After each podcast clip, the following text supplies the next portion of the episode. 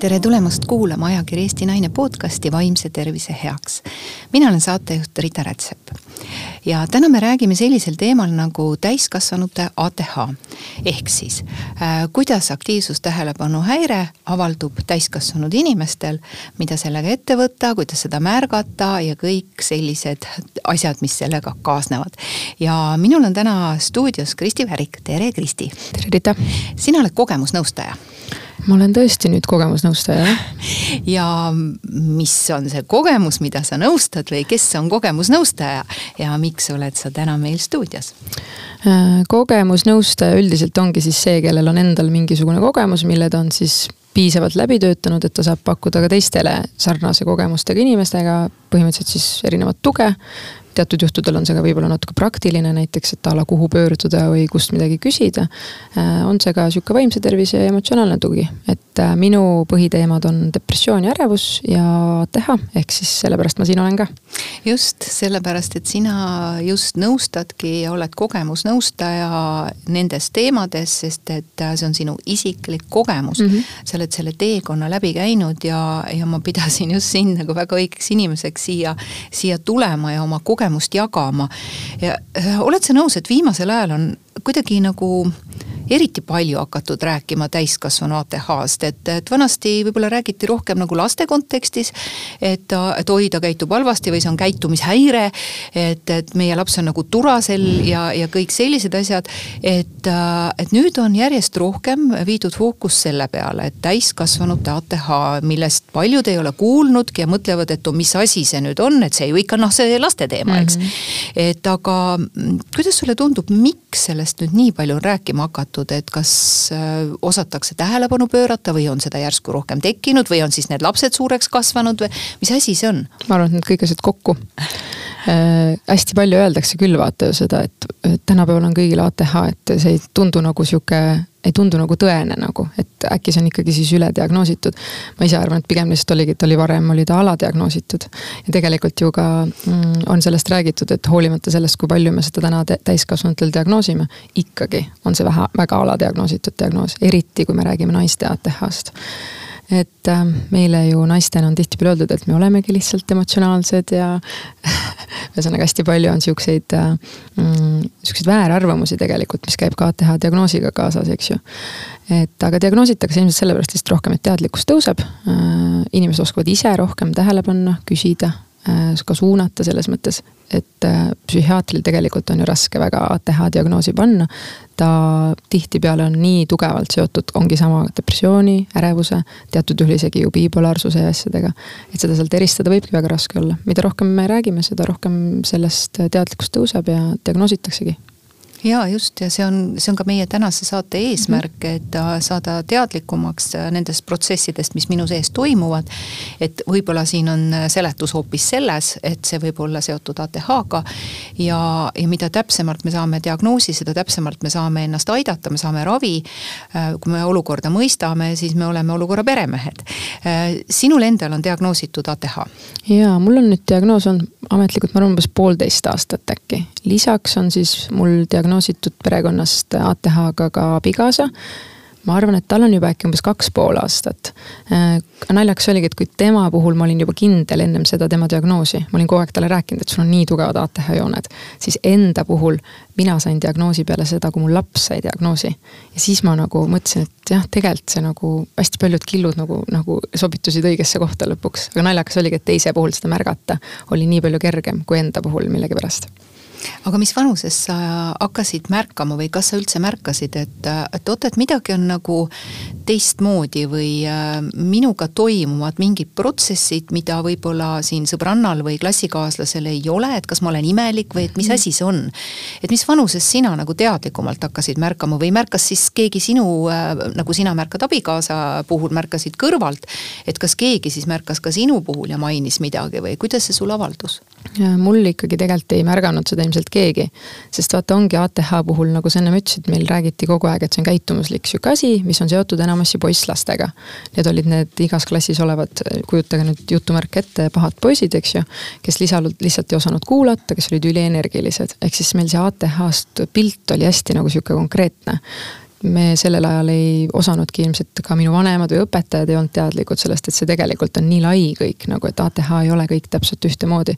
et ainult kaheksa protsenti on sihuke asi, mis meil omavahel ATH, ATH-katega kattub siis, et kõik muu on selles mõttes võib täiesti erinev olla. aga ma olin ikkagi, no ma olen ikkagi terve elu veits teistmoodi olnud aga see on vist võib-olla väga tore ATH omadus ma ju unustan selles mõttes palju asju kiiresti ära. ja ma unustan ilmselt ära ka need asjad, mis näiteks keegi teine on mulle niimoodi öelnud kuidagi. et on mingid, mis ikkagi jäävad meelde, mida sa kannad endaga kaasas. aga sihuke igapäevane äh, lärm, äh, see läheb minust kuidagi mööda, ma ei pane seda tähele, ma ei kanna seda endaga suures eos kaasas. aga koolis pigem suurem probleem oli see, et ma ei saanud kunagi aru, miks on niimoodi, et äh, ükstakõik, kui palju ma õpin, mul ei jää asjad niimoodi meelde nagu teistele et ma mõtlesin kogu aeg, kas ma tõesti olen laisk või ma olen lihtsalt, lihtsalt nii loll. siis ma samal ajal olin nagu mingites asjades nii palju tugevam kui teised, siis ma mõtlesin, et see ei ole loogiline, ma ei saa olla nagu loll, vaata kuidagi otseselt, see peab olema midagi. aga ilmselt ma elasingi tegelikult enda täiskasvanu elu teadmisega, et kõik on erinevad, kõikidel on oma plussid ja miinused. ja ma ei mõelnudki sellele, et see, et ma ei suuda absoluutselt ajatajuga arvestada või mul on väga raske igale poole õigeks ajaks jõuda või ma ei suuda ühtegi süsteemi luua või ma ei suuda numbreid kokku liita põhimõtteliselt. et see võiks olla seotud mingisuguse diagnoosiga, ma arvan, et see on lihtsalt sihuke minu eripära.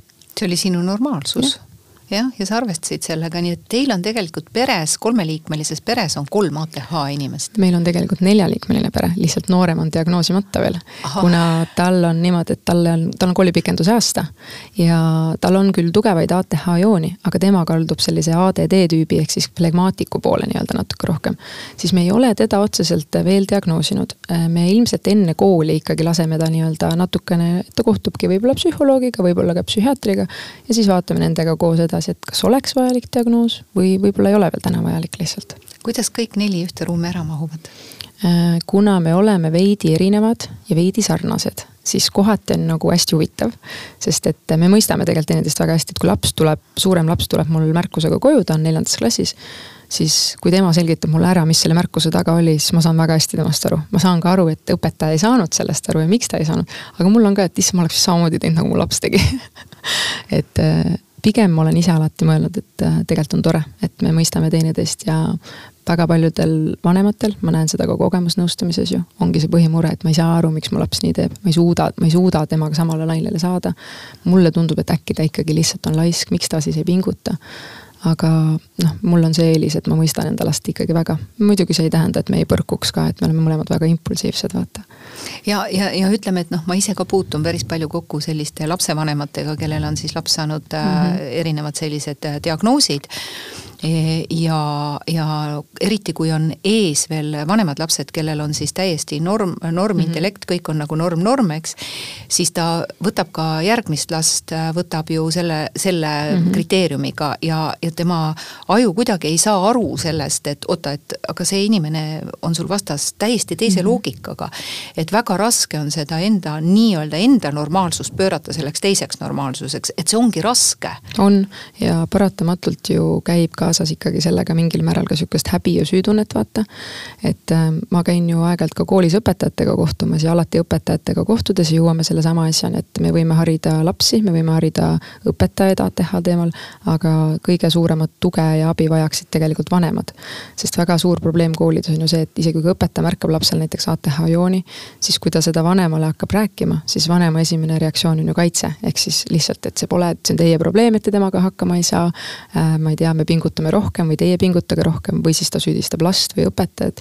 et seda infot seal vastu võtta niimoodi, et okei okay,, ma saan aru, et võib-olla tõesti mu lapsel ongi midagi teistmoodi, aga see ei ole negatiivne asi ja see ei tähenda, et mina oleksin lapsevanema läbi kukkunud või ma ei oska enda last kasvatada vot see on nüüd see koht, mida kalli, kallis kuulaja, kes sa praegu meid kuulab, palun pane see endale kõrva taha.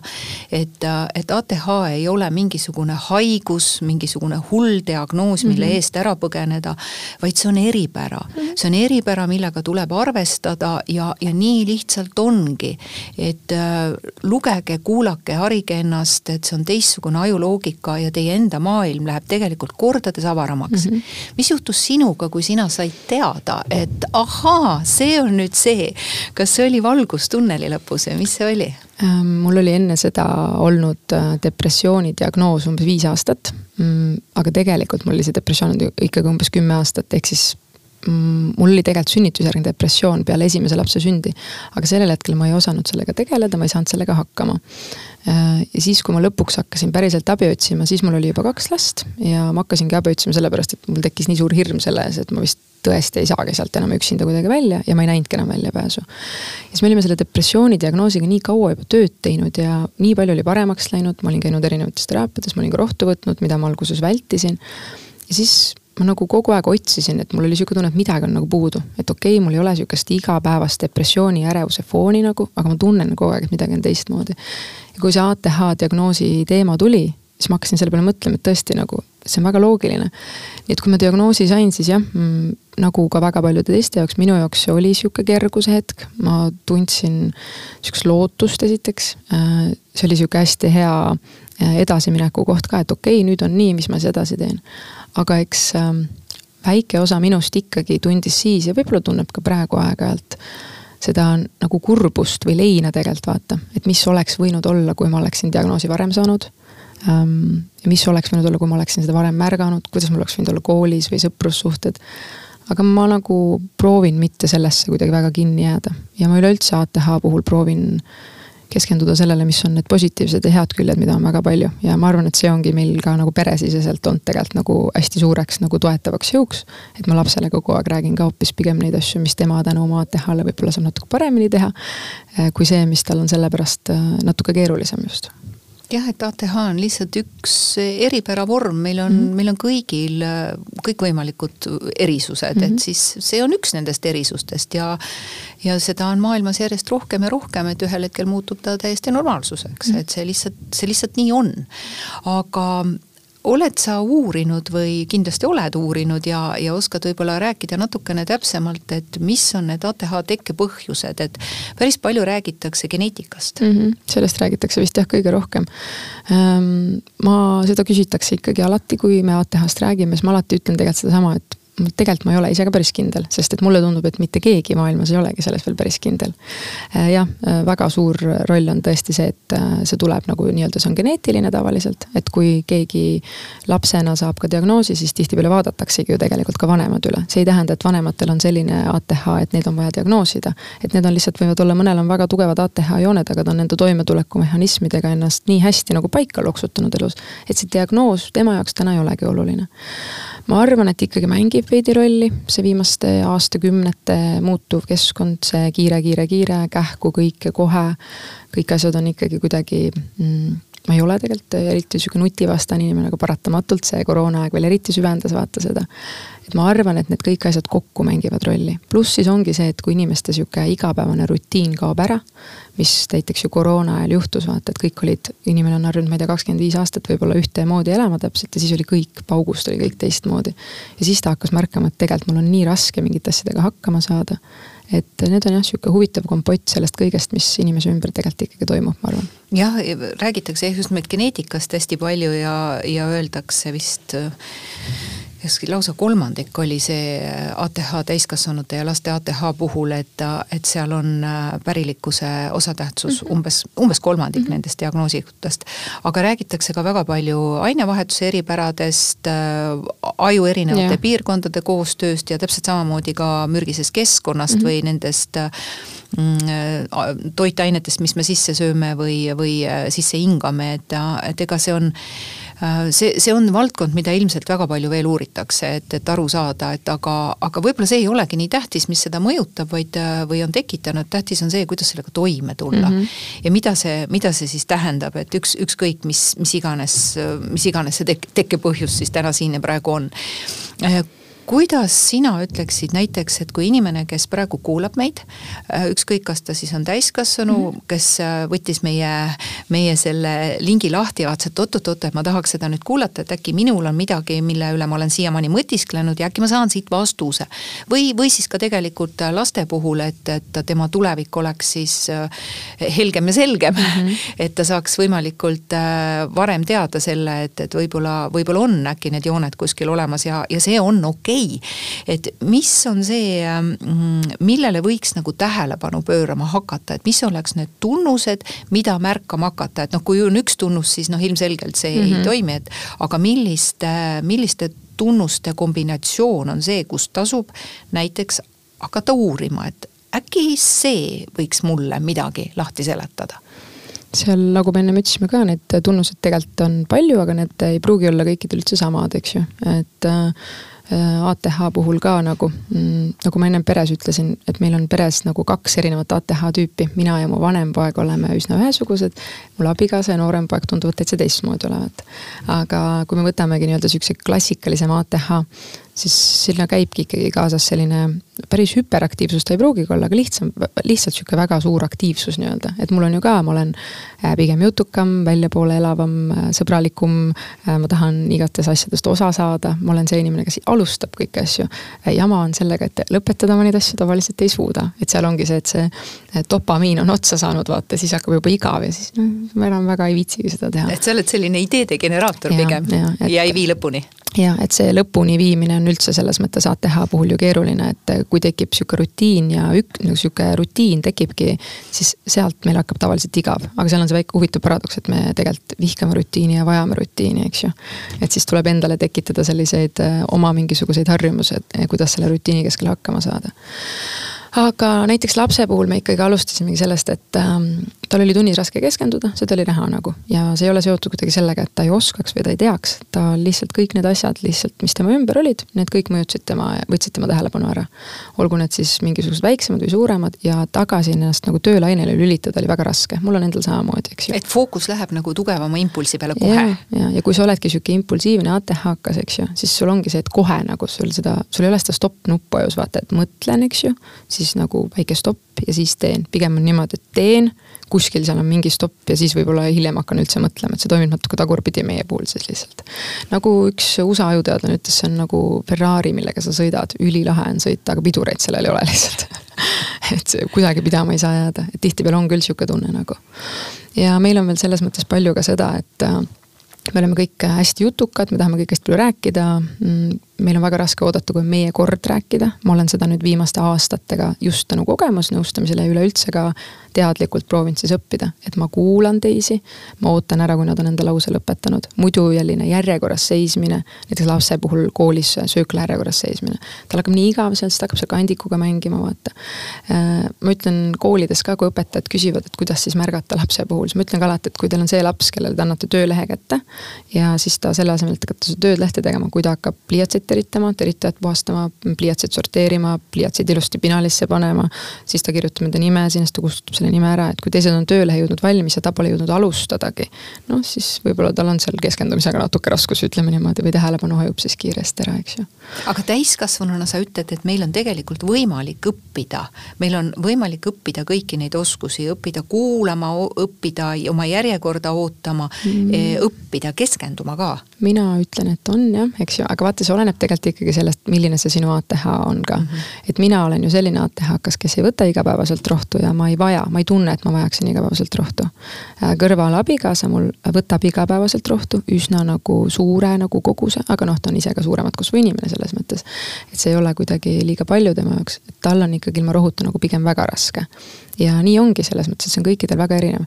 ja lastele samamoodi ju rohtu ka, osade ATH rohtudega on see, et need on väheseid, mida peab igapäevaselt võtma, aga tegelikult on see, et esmaspäevast reedeni on ka täiesti normaalne seda ATH rohtu võtta, kui sa tead, et sul on need päevad. aga mina olen proovinud küll hästi palju siis kognitiivse käitumisteraapia abil ikkagi niisuguseid nagu käitumuslikke mustreid murda ja endale sihukest rutiini tekitada ja eks see on raske ja põhimõtteliselt äh, mõnikord ei tule üldse välja. aga ma olen mõelnud niimoodi, et okei okay,, et kui täna läks nagu hästi pekki, siis homme lihtsalt alustan otsast peale muidu meil ATH-ga kipub olemagi, nagu ma ütlesin, see, et noh, korda läks pekki, ega ma siis ei proovigi enam uuesti vaata. ma vaatan siis, kas ma leian mingi muu lahenduse või äkki mingi lihtsam lahendus üldse. et siin on erinevus siis äh, laste ATH-l ja täiskasvanu ATH-l, et äh, lapsel tegelikult ei ole seda ressurssi ja mm -hmm. oskust, et temal see ajul tekib see impulssreaktsioon mm -hmm. kiiremini.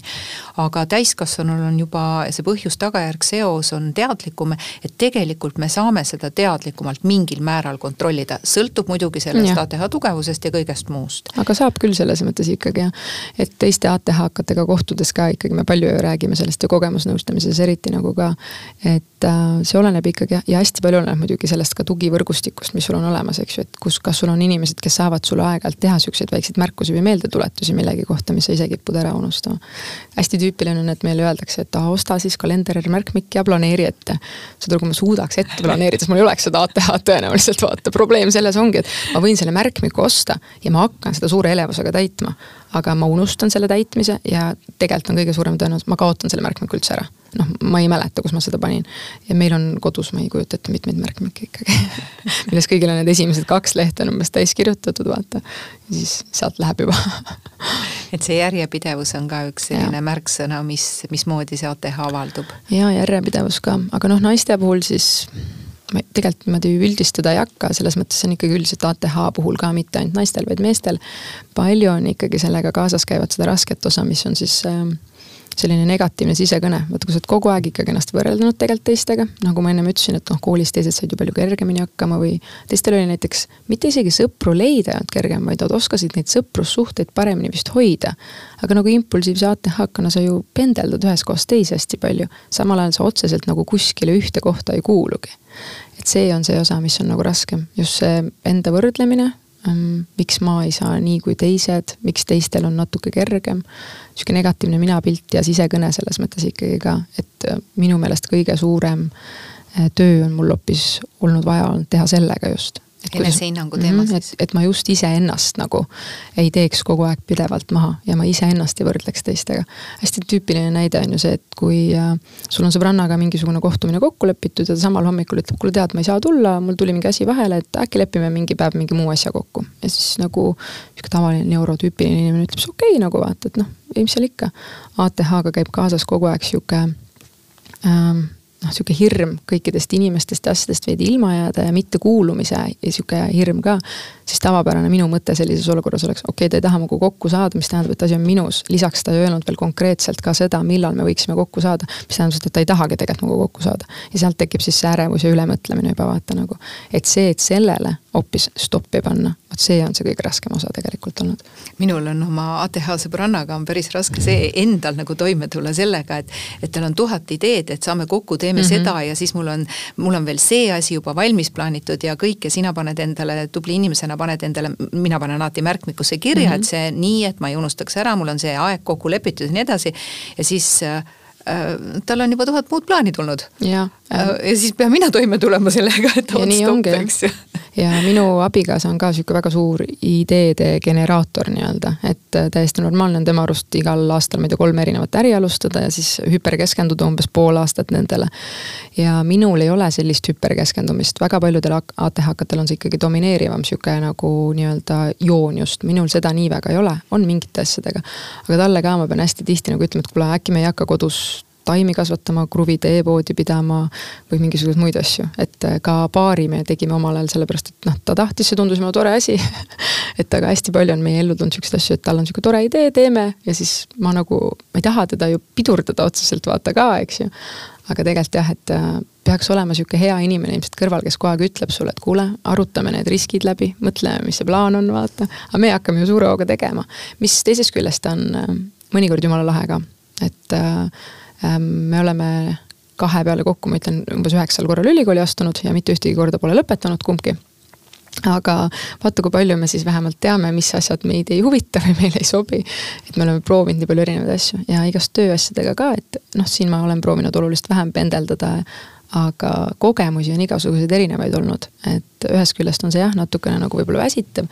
teisest küljest nagu kuigi mul on nagu hirm selles, et ma ei kuulu, siis mul ei ole vist otseselt hirmu selle ees, et ma, et ma ei leia seda, kuhu ma kuuluma pean et see on vist mingi sihuke naiivne lootus, mis käib minu selle ATH-ga kaasas, et noh, küll saab lõpuks ikka jah, et kui me räägime võib-olla äh, sellest aktiivsustähelepanu häirest, siis räägime nagu negatiivses võtmes mm -hmm. valdavalt ja, ja tekitab sellist kas siis võib-olla hirmu või, või kuidagi pelglikkust või tahaks sellest eemale hoida või on see midagi sellist äh,, mida me üritaks nagu il, ilmselgelt väga-väga vältida mm, -hmm. et jumala pärast, et mul või minu lapsel seda diagnoosi ei oleks, siis tegelikkuses on ATH-l ka oma võlud mm. -hmm. ja, ja üks nendest on loomingulisus. jah, see on selles mõttes küll jah, et kõik meist ei ole kindlasti kunstnikud päris, aga see loomingulisus ei väljenda, kui ei väljendu ainult selles vaata, et äh, mulle vist pigem ikkagi meeldib väga kirjutada ja ma olen vist terve elu ikkagi niimoodi kirjutanud kogu aeg igale poole mingeid asju, ma pole kordagi mõelnud, et see võiks olla mingi asi, mis on mu elukutse, aga see on ikkagi minu väljendusviis nagu ja see on veits minu jaoks nagu mingi teraapia. aga üldiselt jah, me oleme, kuna me oleme kui sa kogu aeg mõtled nagunii sada mõtet korraga, vaata, siis sul on alati neid mõtteid hästi palju peas, mis tähendab seda, et üks asi hästi tore, sa tõenäoliselt leiad lahenduse, aga sul on ka igasuguseid muid asju, mida välja pakkuda, nagu su sellel sõbrannalgi, et ta mõtleb kogu aeg igasuguste asjadele, mida võiks teha, samal ajal sul ei saa otseselt ka igav tema kõrval tegelikult hakata, vaata.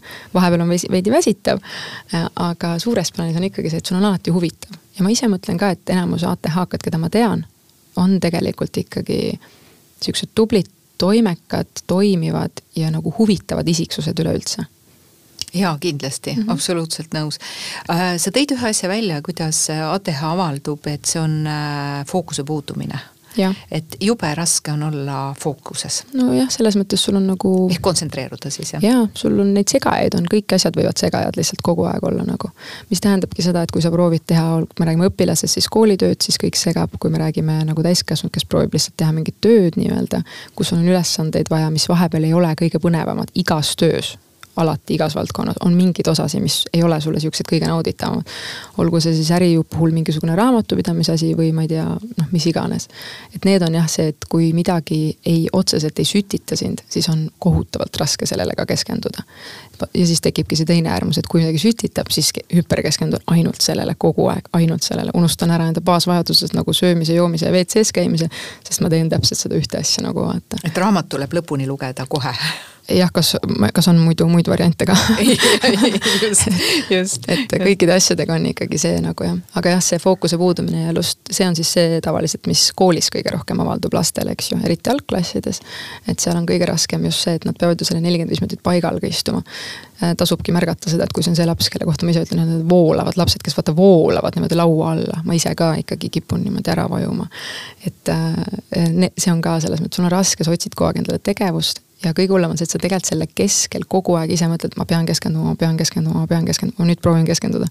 mida rohkem sa nii teed, seda rohkem stressi sa tegelikult ise lähed ju ka nagu jah, seal kaob ju täiesti ajataju ära mm -hmm. nagu, nagu igas mõttes ja, ja noh, võib-olla nii täiskasvanu kui last, kellel on siis diagnoositud ATH, aitab näiteks tööle keskenduda see, kui tal on võimalikult puhtad tööpinnad. et tal oleks võimalikult vähe segajaid, mis siis noh, muidugi kui ta vaatab aknast välja, siis ta näeb kohe midagi, mis mm -hmm. võiks kasvõi pilvekene seal, et juba läheb tähelepanu selle pilvekese peale. aga, aga siin võiks olla selliseid väliseid abivahendeid, mis siis aitab natukenegi fookusesse uuesti tagasi tulla.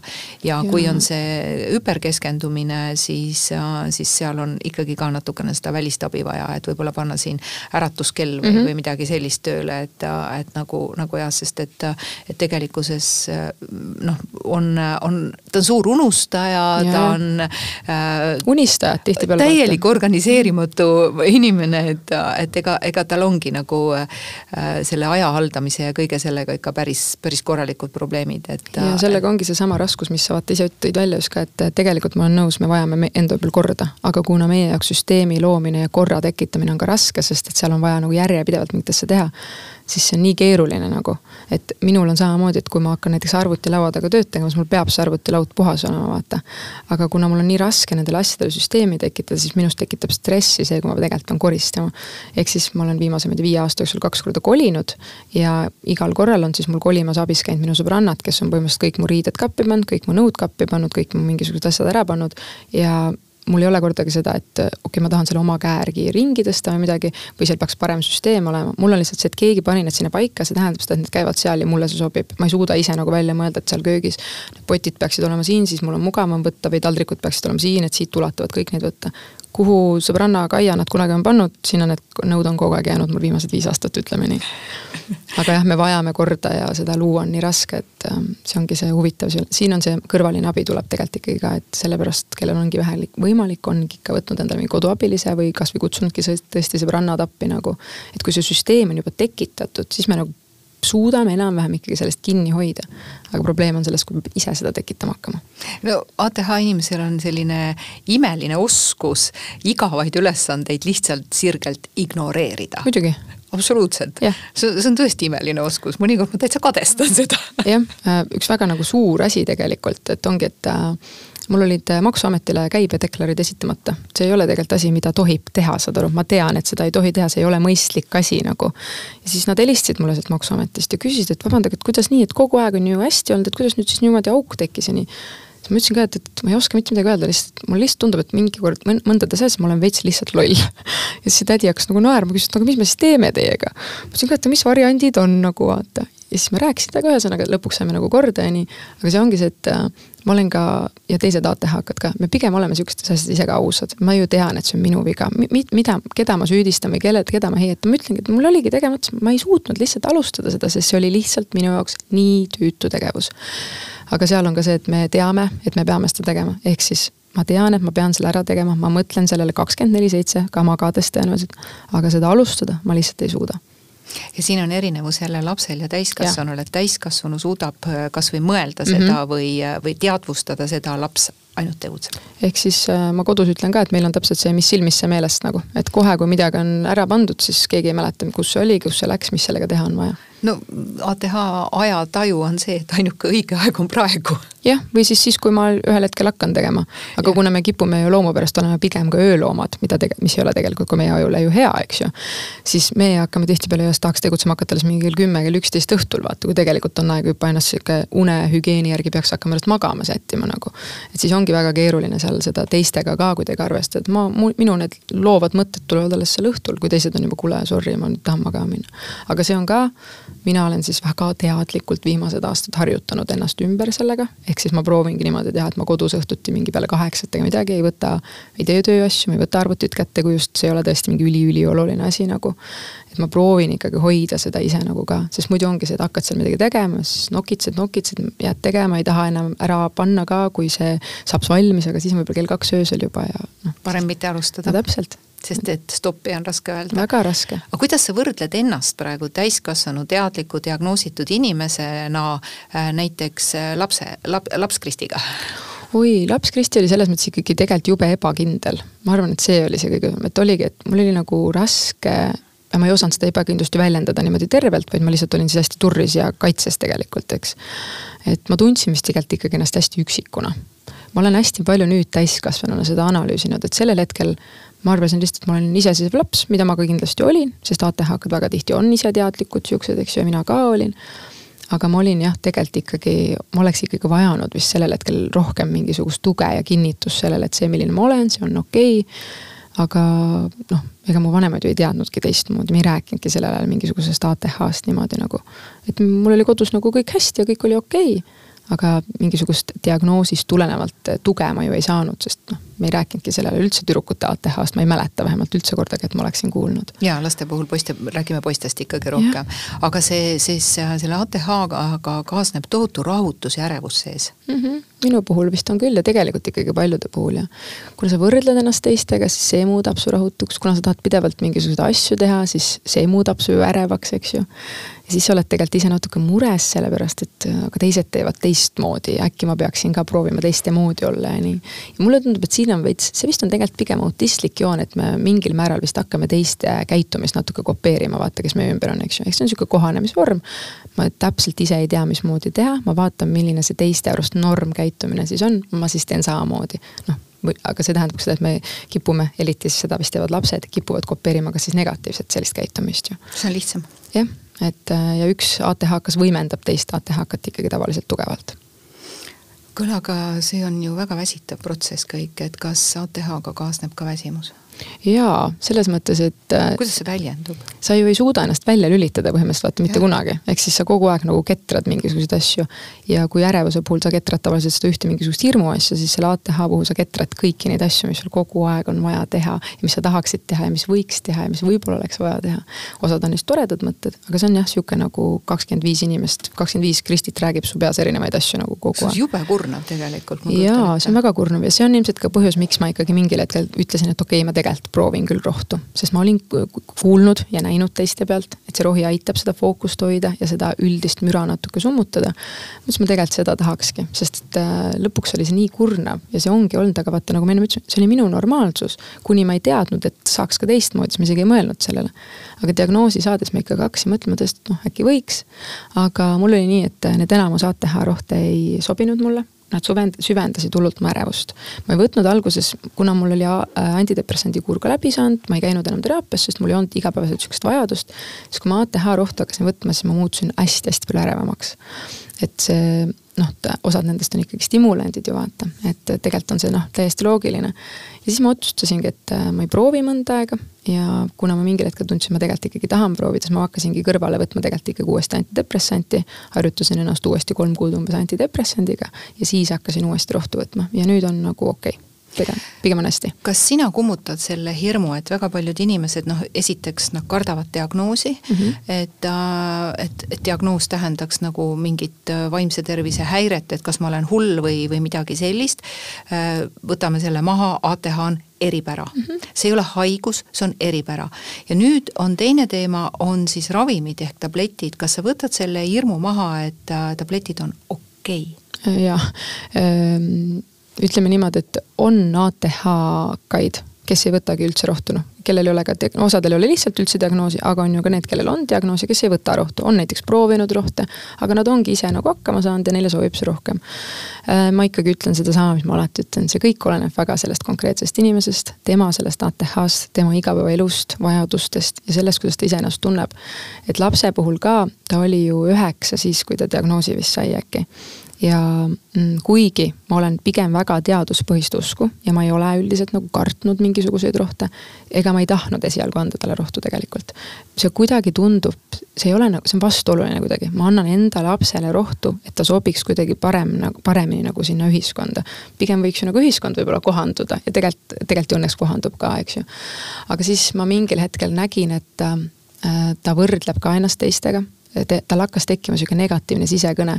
siis ma mõtlesingi, et okei okay,, et äh, kui selle rohu abil äh, tal tekib positiivseid eduelamusi rohkem, äh, ta suudab natuke paremini keskenduda ja hakkama saada ja seeläbi ta ise usub endasse rohkem, on ise positiivsem, et siis ilmselt see on tegelikult õige asi ja nüüd ma ei kahetse üldse, et ma talle rohtu annan, absoluutselt mitte. ta võtab seda täiesti okeilt nagu ise ka, tal ei ole sellega mingit trotsi ega midagi ja, ja kuna meie ju ka oleme võtnud, siis ta, ta ei suhtu sellesse kuidagi negatiivselt ise nagu ka. ja noh, reaalsus on see, et tal on tänu sellele koolis kergem ikkagi. õpetajad märkavad vahet ja meie märkame kodus ka vahet. et tegelikkuses äh, teeb see selle inimese olemise, kes on diagnoosi saanud, kergemaks mm. -hmm. see ikkagi annab selles mõttes Ehm, no mul ongi niimoodi, et täna ma olen rohtu võtnud, kuna ma teadsin, et mul on sihuke intensiivsem päev ja nendel päevadel ma võtan just sellepärast rohtu, et siis mul on see, ma suudan natuke kiiremini ennast ühelt tegevuselt teisele üle lülitada, aga muidu ma kipun nagu niimoodi sihukese veidikene nagu udu sees toimima, vaata. et ma tean enam-vähem küll, mis on vaja teha, ma enam-vähem tean, mis kell, kus, aga mul on nii raske nagu sinna õigeks ajaks jõuda või ma ei suuda, isegi kohale jõudes ma ei suuda ennast nagu lülitada sellele lainele kohe aga noh, kogemusnõustamises ka, et ma ei saa nagu lubada endale seda, et ma ei lülita ennast ühelt kliendile teisele kuidagi, et kuigi mul on seal ka vahed, klientidel alati pikemad vahed, siis ma tunnen, et see aitab selles mõttes ikkagi kaasa, et ma suudan täpselt sellele inimesele või täpselt sellele ülesandele keskenduda. Need kakskümmend viis Kristit, vähemalt kakskümmend nendest on vait jäänud ja need viis on nagu vaikselt et see aitab selles mõttes ikkagi väga palju jah. ja see põhiline, mida rohusõltuvus, mida kardetakse, et selle kohta oligi ATH grupis oli ka üks nali, et ma ei saa ju sellest sõltuvusse jääda, ma ju unustan ära, et ma seda võtma pean. ja see on tõesti tegelikult nii, et pigem on meil see, et me kipume unustama rohu võtmist nagu, et sellepärast meil ongi endal ju kodudes enamus ATH-kadel tabelid seinte peal ja. noh, mingi post-it'ite peal on kirjas võta rohtu ja telefonis on meeldetuletused, et mul esimesed kaks kuud oli nii lapse kui enda rohul oli telefonis hommikuti meeldetuletus ikkagi et muidu pigem unustad ära. ja neid äh, tablette on tegelikult tänasel päeval päris palju erinevaid mm, -hmm. et, äh, et kui üks ei tööta, siis äh, kas sa julgustad proovima teist? ja, ja sellest aastast siis kaks tuhat kakskümmend kolm aastast on ju nüüd niimoodi, et enamus ATH rohud on ka täiskasvanule soodushinnaga, et varasemalt oli siis niimoodi, et kui sa said diagnoosi peale kahekümne esimest eluaastat, siis kõik rohud olid täishinnaga, pidid ostma, mis on umbes ütleme niimoodi, keskmiselt sihuke sada, kaks või isegi kolmsada eurot kuus kuus ühele inimesele. nüüd siis on jah niimoodi et, et seitsekümmend viis protsenti äh, katab siis haigekassa, eks ju. Äh, kõikide rohtude puhul päris mitte, osad on lihtsalt natuke uuemad, aga nende ena-, enim levinud rohtude puhul küll ja seetõttu ma ikkagi jah, julgustan ja nii palju, kui mina tean, kõik väga head psühhiaatrid on alati ka seda öelnud. et me ei saa jääda sellesse ühte kinni, need rohud on natuke erinevad, inimesed on erinevad, ajud on erinevad, juba elustiilid, toitumis- ja uneharjumused on kõigil erinevad. et tasub proovida, et mina proovisin ennem ikkagi, noh, ma proovisin peaaegu kõik ikkagi ära. et vaata, antidepressandi puhul on jah see, et sa pead seda võtma järjepidevalt a la kaks nädalat või kolm nädalat, et üldse vahet tihtipeale märgata. enamus ATH rohtudega on see, et sa saad ikkagi päeva, paari või kolmega aru, kas see ja kuidas see sulle sobib, sest et ta ju tegelikult on kaheteist tunni rohi või osad lühiajalised on isegi nelja tunni rohud, eks ju. et ta on, aitab sul kaheteist tunniks põhimõtteliselt enda aju kokku võtta ja siis, kui pärast on see nagu mahatuleku hetk, kus see aeg tavaliselt läbi saab, siis ongi see, et me oleme veits nagu väsud, sihuke tühjaks pigistatud sidrunitunne on. sest su aju on pidanud hoopis teistmoodi toimima, kui talle tegelikult on ju loomulik mm. -hmm. ja neid äh, rohtusid oled sina proovinud, mis need levinumad siis on? Concerta on kõige levinum vist meil, äh, mis äh, ma ei ole kindel, mis põhjusel, aga teda ei ole saada erinevate tarneraskuste põhjul põh, äh,, erinevate tarneraskuste pärast ei ole teda juba jah, mingi, ma arvan, viimased äkki poolteist aastat on temaga vahepeal niimoodi. et umbes kaks kuud ei ole ja siis jälle on ja siis kaks kuud ei ole, et mis teeb olukorra väga keerulisemaks. see on tõesti kõige klassikalisem. see on kõige klassikalisem jah, ja siis sealt edasi ongi Medikinet, eks ju äh,, siis on Atominex nüüd on siis uuematest on Elvanse ja Afeniid. kasutatakse tegelikult erinevaid veel, seal on vist äh, paar sihukest, mis nagu nii-öelda tegelikult lähevad vist antidepressantide nimekirja ikkagi, aga neid kasutatakse ka siis ATH puhul mõndasid. et äh, selles osas ongi see, et see enda psühhiaater võiks olla nii pädev, et oskab sulle päriselt ka nõu anda ja kõikidele su küsimustele alati vastata. et ma enda klientidele ütlen ka, et, et kui psühhiaater ütleb mingi asja peale, et ma ei tea, miks nii on, et siis on kahtlane et võiks teada või võiks vähemalt öelda, kuidas me teada siis saame nagu. aga mm, ATH inimene, kes, kes siis on diagnoositud või ka diagnoosimata, siis temal võivad tekkida ka lausa füüsilise tervise probleemid ju. Seda on selles mõttes ju palju, ka ärevus väljendub ju noh, kuna me olemegi ATHK-s üldiselt nagu ongi, me oleme pigem äre-, ärevamad ikkagi nagunii. siis seal on igasuguseid füüsilisi asju nagu ka, et äh, mul on üleüldse füüsiline ärevus üsna tugev olnud kogu aeg ähm, miks ma ka antidepressante olen võtnud, eks ju, et ongi, et kui sul see füüsiline ärevus muutub selliseks, et sul käed värisevad, süda puperdab kogu aeg ja kogu aeg iiveldab täiesti.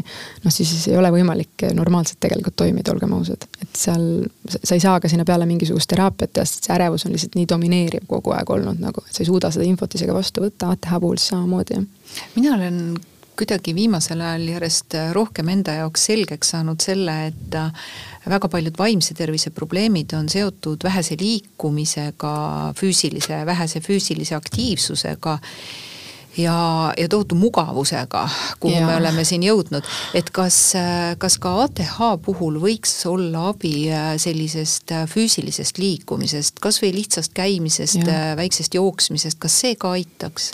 Ütleme niimoodi, et ma ei usu, et on olemas ühtegi olukorda maailmas, kus liikumine ei aita.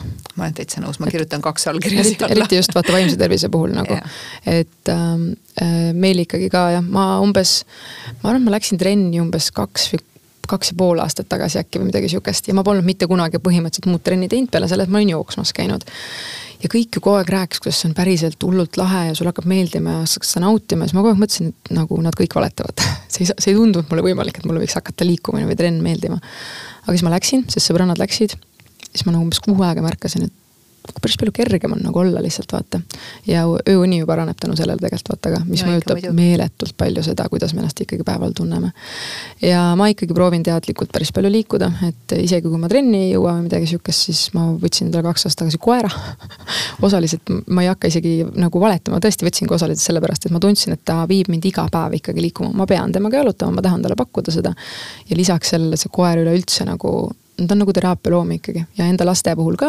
Ähm, minu vanem ATH laps, kes on väga kinnine, kes ei taha, kes ei ütle otseselt meile niimoodi, et aa mingi ma armastan sind, ta ei ole sihuke sossu ja nunnu, nagu mõned lapsed on. siis see, kuidas ta loomadega räägib, on nagu täiesti teistmoodi ja ma olengi mõelnud sellele, et okei okay,, et see, et ta mulle iga päev ei hüppa sülle ja ei räägi, kuidas ta mind armastab, et noh, see on okei okay,, ma tean, et ta nii tunneb. aga see, kui ta iga õhtu enda kassi või koeraga seal voodis pikutab ja neile seda räägib, et et siis see tundub nii positiivne asi lihtsalt minu jaoks ja jah, me kõik ikkagi proovime liikuda ja lastel samamoodi. et äh, meil on kohus, kohustuslik liikumine on ja teine asi on värske õhk siis ka. et äh, eile just oma väiksemaga vaidlesin, et oh, miks ma ei või sõbra juurde minna, ma ütlesin ka, et sa võid sõbra juurde minna, aga meil on kokkulepped igapäevaselt tund aega vähemalt õues. minu pärast sa seisad tund aega kasvõi siin maja ees, vaata minu pärast kasvõi seina, aga sa oled selle tund aega õues et äh, nendes, need on need asjad, milles ma proovin nagu seda järeleandmist mitte tegelikult teha ikkagi. ja, ja sellest tuleb tegelikult lõpuks harjumus. ja, ja üldse selle füüsilise aktiivsusega on meil sihuke huvitav asi ka, et kui ärevus kaob ära või tähendab, kui fookus kaob ära ja siis sinna asemele tihtipeale tekibki see ärevus, et aa, ma ei saa hakkama, ma ei suuda jälle, ma ei suuda keskenduda, sihuke enda nüpeldamine. siis ma alati soovitan klientidele ka ja ma ise proovin sedasama teha, et kui sa märkad, et fookus kaob ära või sa oled ka niisama hästi-hästi ärev, siis minu meelest ülihästi aitab see, kui sa paned enda keha füüsiliselt ebamugavasse asendisse. teed kätekõverdusi, teed mingeid joogapoose või mingeid asju, vaata, meil ei ole alati võimalik jooksma minna, sa ei saa ennast välja joosta. aga kasvõi kontoris reaalselt sul tegelikult on võimalik küll, et sa teed mingisuguse hästi ebamugava tegevuse enda kehale. kümme kükki. no kükid on tegelikult veidi liiga lihtsad, aga kui sa proovid ühel jalal neid näiteks teha, et sul oleks füüsiliselt nii ebamugav kui võimalik ja see ei pea isegi, see võib olla viis minutit, võib-olla neli minutit isegi. aga see aitab ülihästi selles mõttes sul selle nagu fookuse korra tagasi tuua, sest aju hakkab hoopis muu asjaga tegelema lihtsalt. ja ta keskendubki sellele ja see on hoopis oluline. see panebki energiat liikuma hoopis mm -hmm. teistmoodi ja okay., ja tekitab tasakaalu. jah -hmm., aga siin liikumisele sama oluline äh, on uni, eks ju, et äh, me just oleme nii palju kodus sellest kuidagi rääkinud, kui oluline tegelikult uni on. et ma ei tea, kas see oli see mingi eelmise nädala täiskuu, millesse ma nüüd ausalt öeldes nii väga ei usu, aga millegipärast ma ei ole üldse maganud kuidagi viimased nädalad. ja ma olen nii märganud, kuidas see on mõjutanud seda, kuidas ma igapäevaselt ennast tunnen. ja siis täna ma magasin äh, lausa kuus tundi järjest, mis viimastel äh, ööde kohta on väga hästi ja ma nagu sain ise ärgata, saada, et issand jumal, lõpuks ma vist tunnen ennast nagu paremini. et see magamatus mõjutab nii palju ja siis selle magamatuse otsa tikubki ju, tuleb kohe see ka, et no ma olen väsinud, siis ma ei hakka trenni minema, ei jaksa liikuda, ma ei viitsi nagu korralikult süüa teha, söön mingi suvalise šokolaadi ära, niimoodi see ring ju läheb tegelikult nagu et kogu aeg peab ennast nagu, tegelikult peab ennast sundima hästi palju. no see ei ole ainult ATH teema, kõik ja. inimesed tahavad olla seal mugavustsoonis mm, -hmm. et, et see on selge, et, et selline järjepidev teadlik käitumine tekitab harjumuse mm, -hmm. kehal tekib harjumus, tekib vajadus ja, ja me olemegi mm, -hmm. olemegi ennast kõvasti aidanud. kuule, aga ärme räägi ainult sellest, noh, ma ei, ütle, et see nüüd negatiivne oleks, pigem me, pigem me lihtsalt konstateerime fakti, et see on nii, eks ju. aga võtaks selle positiivse ka, et mulle selle ATH juures meeldib see positiivne positiivsus, et, et ei ole see ATH ainult nuhtlus ja taak, eks ju, et just see loomingulisus ja, ja see asjade nagu noh, teise nurga alt nägemine on minu meelest nii üliäge mm. -hmm et mida sina sellest nagu välja tooksid, noh, kõik see tundlikkus ja ettekujutusvõime ja kõik muud, et, et mis selles ATH-s ägedat on, kuidas see enda kasuks pöörata? Äh, ma kusjuures olen mõelnud selle peale päris palju nagu. Äh, ma mõtlesingi vaata, et väga paljud ATH-kad ikka on inimeste inimesed nii-öelda. meile meeldib inimestega koos olla, me üldiselt leiame nendega ühise keele. kuna me natuke kipume nende pealt mõnikord kopeerima nende käitumist, siis me suudame päris hästi inimesi nii-öelda ära tunda ja märgata, vaata. ja me saame ka aru, mis nendele tavaliselt meeldib ja ei meeldi. ja ma mõtlesin pikalt selle peale, et aga kuidas, mis on, mulle tundubki, et see on minu kõige suurem oskus olnud läbi elu või kõige suurem nagu sihuke pluss, et ma olen inimestega läbi saanud, mul ei läinud koolis hästi, mul olid väga paljud ained olid täiesti siuksed kahe piiril kolmed. aga ma sain alati enda asjad tehtud, sest ma suutsin õpetajatega ilusti rääkida, ma olin viisakas, ma olin lugupidav. Ähm, ma ei ole kunagi võtnud midagi iseenesestmõistetavalt, ma olen aru saanud selles mõttes, et äh, teised inimesed teevad midagi ja see on tänuväärt nagu töö, vaata ja siis ma mõtlesin, et kuidas ma siis sellesama asja, mis on minu kõige suurem külg, saaksingi enda kasuks pöörata. ja siis sealt oligi, et okei okay,, aga mul on see kogemus ka, et tegelikult ma võin ju kogemusnõustajaks õppida.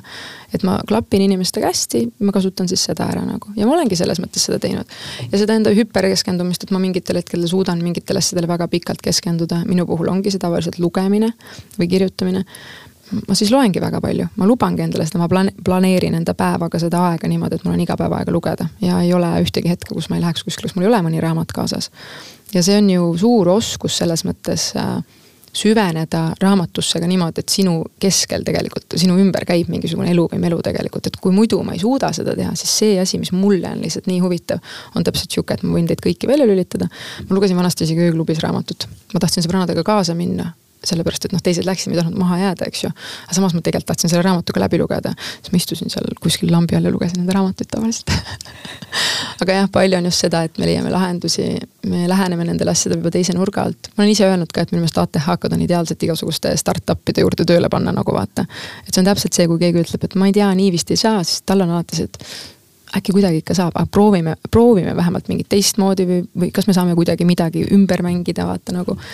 et äh, see on selles mõttes see kihvt osa küll sellest ATH-st. et leida, leida endas see äh, selline koht, mida, äh, mis keerata nagu positiivseks mm. -hmm. ja julgus ka vaata ja. ja ma julgen nagu proovida neid asju. sama selle minu üheteistaastase puhul, mul oli paar nädalat tagasi oli lihtsalt tore hetk, et ta tahtis minna isaga kardikeskusesse ja ma ütlesin talle, et tead, ma ei jõua praegu sinna helistada ja aega panna, et pärast tegelen sellega, vaatame. ja sellel samal hetkel ta oli tegelikult selle kodulehe lahti võtnud, ta oli võtnud ise sealt selle telefoninumbri, helistas sinna, tere, mis ajal teil vaba on, tahaks tulla, palju maksab noh, et tal on üheteistaastaselt see julgus helistada, küsida, mitte mingisugust nagu häbi või hirmutunnet, samal ajal nagu sa ise oled ilmselt klientide pealtki näinud, mõni kardab noh, telefoni kättegi võtta, vaata. no Pere... need põlvkonnad ja, kindlasti mitte. perearstilegi kardab selles mõttes helistada nagu vaata mõni inimene. sõbralegi. jah, et aga tal on selles mõttes nagu täitsa ja sama ongi temaga see ka, et ta käib üksinda, ma ei tea, juuksuris või mingi hambaarsti juures, kui vaja on, eks ju, et ta lähebki sinna, ta võib inimeste käest küsida, et tere, kas saad mind aidata. ja vot see on mul endal lapsepõlvest väga hästi meeles. Mu vanaema elas linnast väljas ja mul olid sugulased Tartus ka ja mina elasin ju siin Tallinna külje all nii-öelda. ja mind pandi hästi tihti bussi peale juba, kui ma olin sihuke mingi viis-kuus nagu vaata, pandi bussi peale, saadeti siis kuskile ära. ja iga jumala kord ma leidsin sealt mingi tädi, kes kambis mu juukseid ja punus mulle patsi, sest see on mu lemmiktegevus, kui keegi mu juukseid kambib, vaata. ma olen endale kohutavalt palju inimesi lihtsalt koju tassinud, mingid täiskasvanud inimesed, aa näe ema, ma leidsin bussist mingi inimese, vaata nagu. siis see täiskasvanu tuleb, et ma ei tea, et ma tulin temaga kaasa, et on tal ikka kõik okei okay,, vaata igaks juhuks kontrollima. Et äh, ma ei ole jah kunagi kartnud nagu mingeid siukseid asju nagu ja enda selle suurema puhul ma näen täpselt sedasama nagu kuidagi. et sa paned ta kuskile olukorda, ta natuke jälgib, mis tal on nagu okei okay,, mis me siis teha saame ja ma leian endale inimesed, kõik sõbrad on ta endale mänguväljakult ise leidnud nagu. okei okay,, koolis muidugi ka ja nii, aga kodukülast on ta kõik enda sõbrad ise leidnud kuskil mingi õuest mänguväljakult või teiste sõprade kaudu.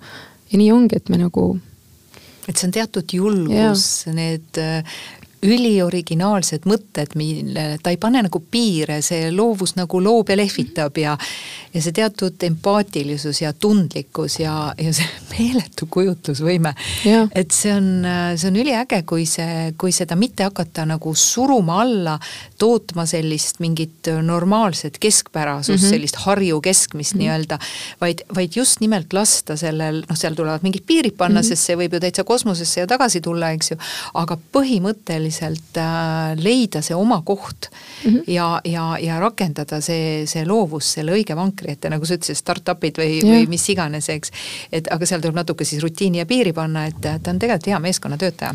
ja, ja selles mõttes on ja me tahame nagu ka pigem head, ma, ma, ma ei ole nagu kohanud otseselt kedagi sihukest ise ATH hakates, kes oleks kuidagi hästi sihukese tugevalt äh, domineeriva nagu meelega, sihuke domineeriv. me võime olla selles mõttes sihukesed, sest me oleme lihtsalt ju nii valjud ja nii väljapoole elavad, eks ju. aga kui meil ilusti tagasisidestada midagi, siis me tegelikult oleme täitsa nagu, võtame üsna okeilt selle info vastu nagu. minu meelest ülimalt empaatilised, ole, olles ise puutunud kokku ATH täiskasvanutega, on see empaatiavõime on seal ikkagi väga super. ma ise arvan ka, et see on ilmselt üks minu tugevamaid külgi, et mul on kogu aeg olnud oskus märgata ja alati nagu, miks ma olen ka mingi mega palju igasuguseid vabatahtlikke projekte ja mingisugust heategevust nagu proovinud teha. ühest küljest on see jube kehva, ma olen äh, enda aega tegelikult suurema osa täiskasvanust tasuta ära andnud, ma pole kunagi nagu otseselt enda aja eest midagi küsinud. mul on alati, aa, ma saan aidata, see on nii tore kogemus, sest ma ju tahan kõike teha, vaata.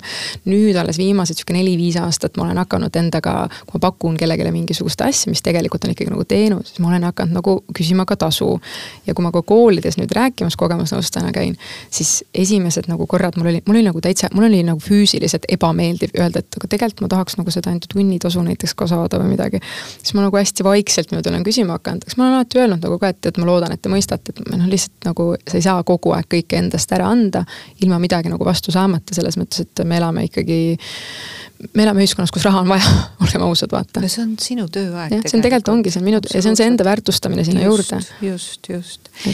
kuule, aga mis sa praegu niimoodi äh, meie, meie peaaegu lõpetuseks mhm. juba, mida sa soovitad inimestele, kes meid nüüd siin praegu kuulasid ja mõtlesid ja ja, ja, ja ma loodan, et nad said aru või et, äh, et see hea kuulaja said aru sellest, et et see ei ole negatiivsus. et, et ATH ei tähenda midagi ülinegatiivset, et see, see on teema, millega tuleb tegeleda ja, ja, ja sellega on võimalik hakkama saada. et mis sa soovitad nendele inimestele, kes praegu mõtlevad, et kuule, mul on ka see kahtlus et, et äkki mul on ka midagi. Äh, et kas siis tõmmata tekk pea peale ja olla seal all ja, ja mõelda, et noh, et nüüd on kõik või, või, mis sa soovitad ma arvan, et selle teki võib sinna pea peale ka tõmmata, selles mõttes korra siis tunne see tunne ka ära vaata, noh et ei pea ju kõiki tundeid ka alla suruma, et tunne siis see tunne ära, nuta seal teki all siis see päev või kaks või kolm aga siis on seesama, et ütle siis endale stopp ka, et ja siis on, et mis me siis lahenduseks ikkagi leiame.